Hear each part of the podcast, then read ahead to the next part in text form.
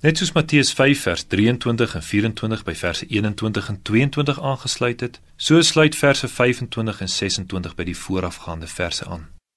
Wees gou goedgesind teenoor jou teeparty solank as jy nog saam met hom op die pad is, sodat die teeparty jou nie miskien oorgee aan die regter en die regter jou oorgee aan die geregsdienaar en jy in die gevangenis gewerp word nie. Voorwaar ek sê vir jou, jy sal daar sekerlik nie uitkom voordat jy die laaste oortjie betaal het nie. Die teeparty waarvan vers 25 praat is dieselfde persoon as die broeder wat in verse 23 en 24 iets teen jou gehad het. Waar verse 23 en 24 meer gefokus het op die plig wat elkeen van ons het om ons met ons naaste te versoen, fokus verse 25 en 26 meer op die noodsaak om jou te versoen. Dis noodsaaklik dat jy hierdie naaste wat deur jou kwetsende opmerking jou teestander geword het, goedgesind sal wees. En moenie daarmee wag nie, doen dit gou. Want as jy hom nie gou goedgesind is nie, kan hy jou dalk net oorlewer aan die regter. Is eintlik 'n vreemde gedagtegang van die Here Jesus in hierdie verse. Immers, hoe sou iemand jou weens 'n gebrek aan goedgesindheid voor die regter kon sleep? En inderdaad, volgens die wet van Moses is dit nie moontlik nie. Maar wel volgens die wet van Jesus, wat hy in vers 22 uitgevaardig het.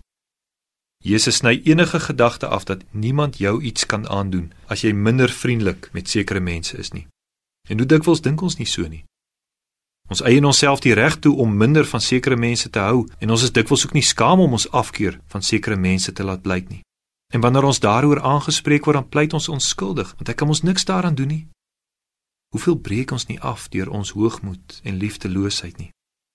Hierdie gebrek aan goedgunstigheid teenoor die wat deur ons skuld ons teeparty geword het, kan ons in aanraking met die regter bring. Natuurlik. Die huidige aardse regter sal net so min as die regbanke in Israel iemand vervolg weens 'n gebrek aan vriendelikheid. En tog staan ons skuldig. Ons omgang met mekaar speel naamlik af in die openbaar voor God se aangesig. Wanneer ek daarom my broers en susters of enige ander naaste minag, dan skryf hy of sy as ware my dagvaardiging uit vir die laaste oordeel. Wanneer ek geen vriendelikheid en goedgunstigheid wil bewys aan die geringstes nie, word ek in feite deur hulle aan die regterlike uitspraak van Jesus Christus oorgegee. En Jesus is die een wat beslis oor die vrylating. Wie geen welwillendheid aan sy teeparty wil bewys nie, kan ook geen welwillendheid van Jesus verwag nie. Jy sal betaal tot die laaste sent toe. Laat ons daarom betyds, solank as wat ons hier op aarde nog met mekaar op pad is, ons met mekaar versoen en vriendelik wees in plaas van om te skel.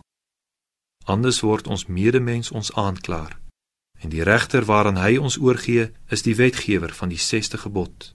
Hy handhaaf op die jongste dag hierdie gebod tot naaste liefde tot in die fynste besonderhede.